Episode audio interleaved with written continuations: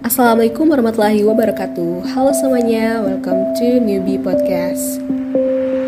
Oke, di episode ketiga ini aku bakal membahas biografi singkat lagi nih Tapi dari penyanyi wanita muda dan cantik asal Indonesia yang go international Siapa lagi kalau bukan Nikki Nicole Zevaya atau lebih dikenal dengan nama Nikki adalah penyanyi, penulis lagu,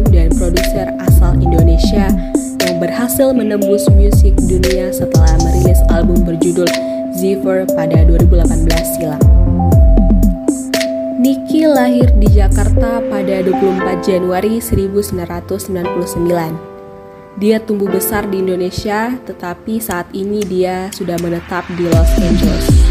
Sejak usia belia, Niki sudah sangat familiar dengan dunia musik. Berdasarkan pengaruh sang ibu, Niki tumbuh dengan mendengarkan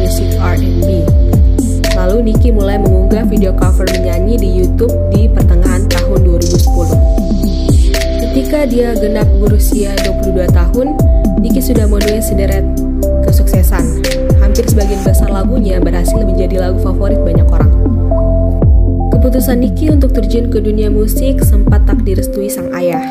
Namun saat beberapa video Nicki di YouTube viral hingga ditonton jutaan kali, barulah dia mendapat izin dari orang tuanya untuk bergelut sebagai musisi. Pada 2017, ia mendapatkan beasiswa kuliah musik di Nashville, Tennessee.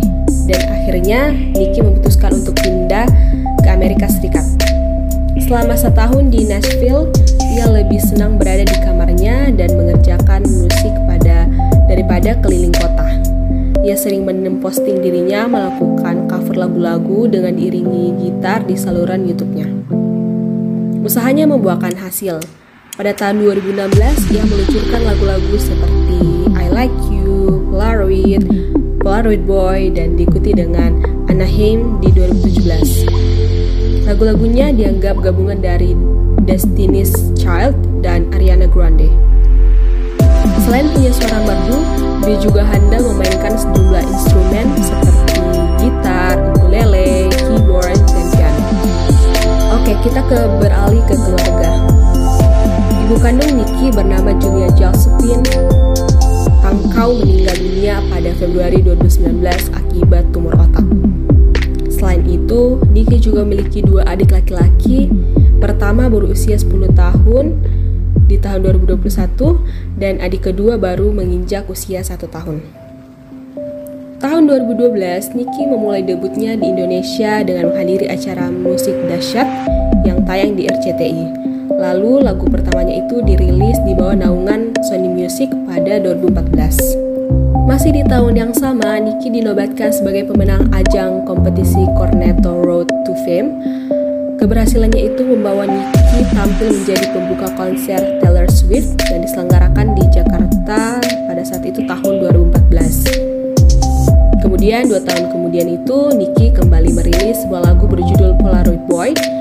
Sembari kuliah, Nicki menekuni dunia YouTube-nya dengan terus mengcover lagu.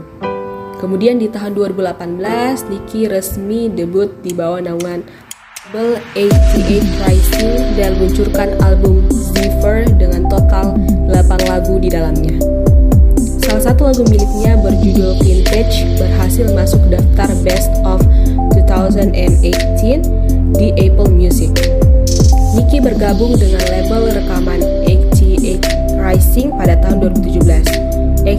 Rising merupakan perusahaan rekaman milik Sean Miyashiro yang juga menaungi rapper asal Indonesia, Rich Brian. Nicki mengaku bahwa dirinya tidak sengaja bergabung dengan 88 Rising. Suara Nicki yang unik benar-benar mencuri perhatian sejumlah media internasional, termasuk Vice dan Billboard.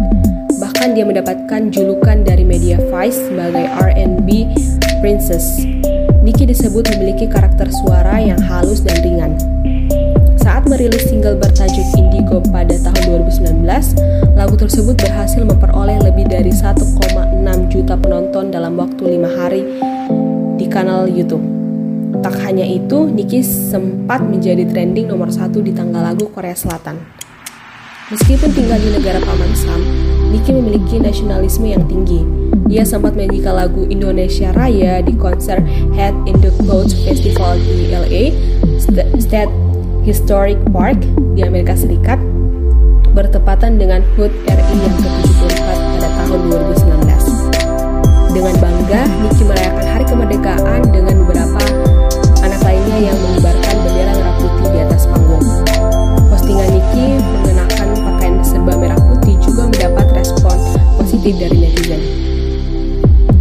tahun 2021 ini, pacar Nicky Zevanya sekarang adalah Jacob Ray dia merupakan seorang musisi sekaligus penyanyi asal Amerika Serikat.